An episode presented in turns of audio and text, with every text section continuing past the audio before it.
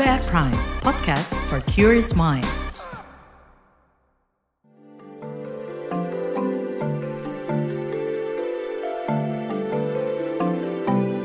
Saga, cerita tentang nama, peristiwa, dan fakta.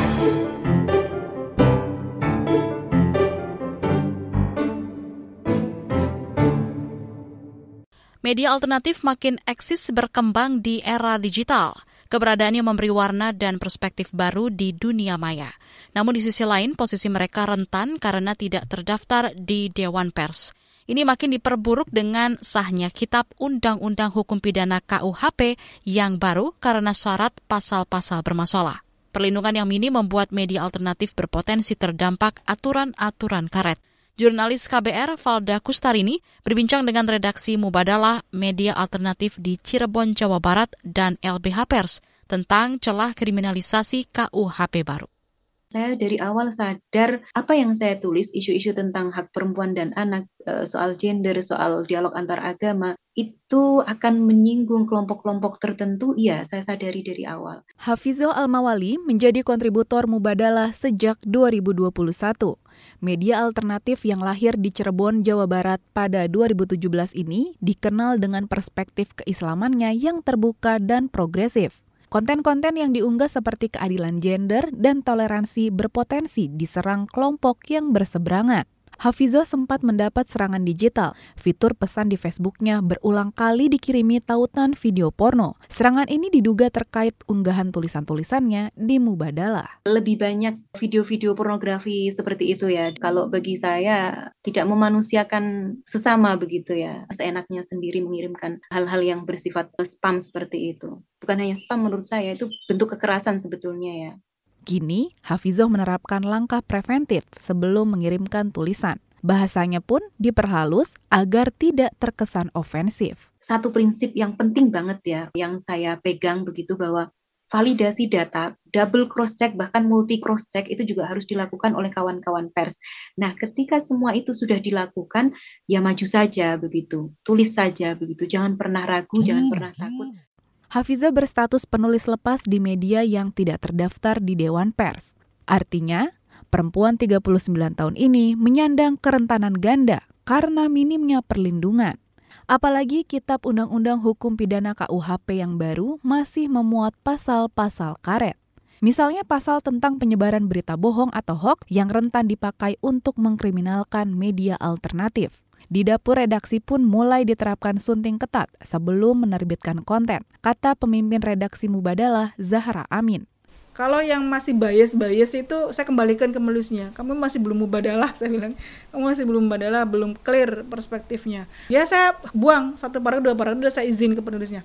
Mohon maaf saya buang satu paragraf ini yang saya anggap itu uh, bias atau nggak jelas ini kamu mau lari ke mana. Artikelnya saya buang, saya bikin tambahkan artikel satu paragraf baru yang itu intinya adalah pesan dari artikel itu. Zahra putar otak bagaimana melindungi mubadalah dan para kontributor dari potensi kriminalisasi. Di sisi lain, kepercayaan pembaca juga mesti dijaga. Harus ada proses review, kita lebih memikirkan dampak jangka panjang atau sustain berkelanjutan.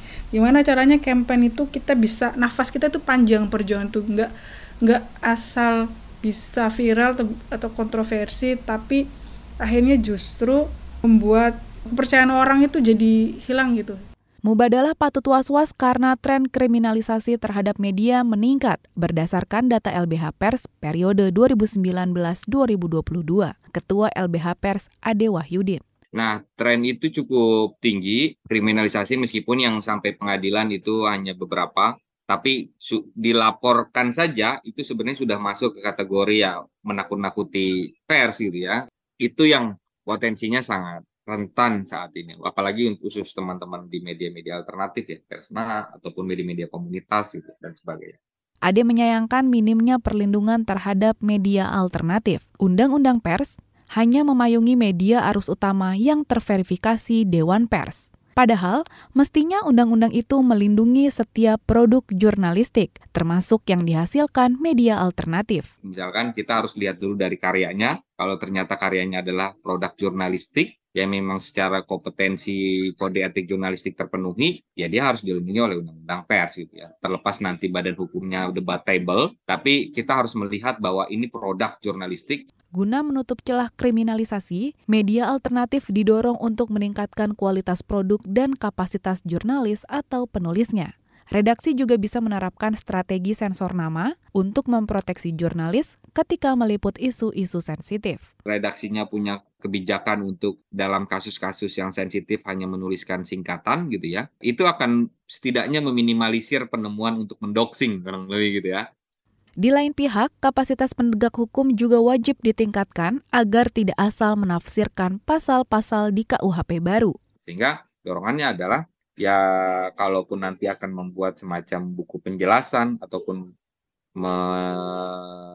mainstreaming gitu ya eh, dari pihak penegak hukum, ya kita harus bilang bahwa pasal ini tidak boleh diterapkan kepada produk jurnalistik, pada kebebasan berpendapat gitu ya, sehingga nanti proses implementasinya yang di bawah-bawah ini juga cukup clear gitu ya. Karena biasanya yang repot di bawah-bawah ini yang Ade mengingatkan kebebasan pers dan kebebasan berpendapat adalah pilar demokrasi. Ia menyinggung hasil riset Economist Intelligence Unit 2022 yang menyebut demokrasi di Indonesia stagnan.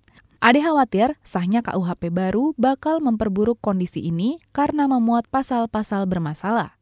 Saat ini masyarakat banyak takut untuk melakukan e, menyampaikan pendapat gitu ya. Jadi indeks dari kebebasan berpendapatnya itu turun sehingga publik takut berpendapat dan ini berbahaya bukan hanya pers gitu ya yang juga takut bisa jadi narasumber juga takut gitu ya. Kalau persnya takut, narasumbernya juga takut gitu ya. Ya artinya yang dirugikan siapa? Yang dirugikan adalah publik.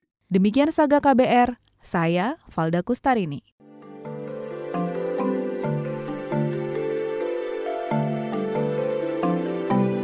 Saga, cerita tentang nama, peristiwa, dan fakta.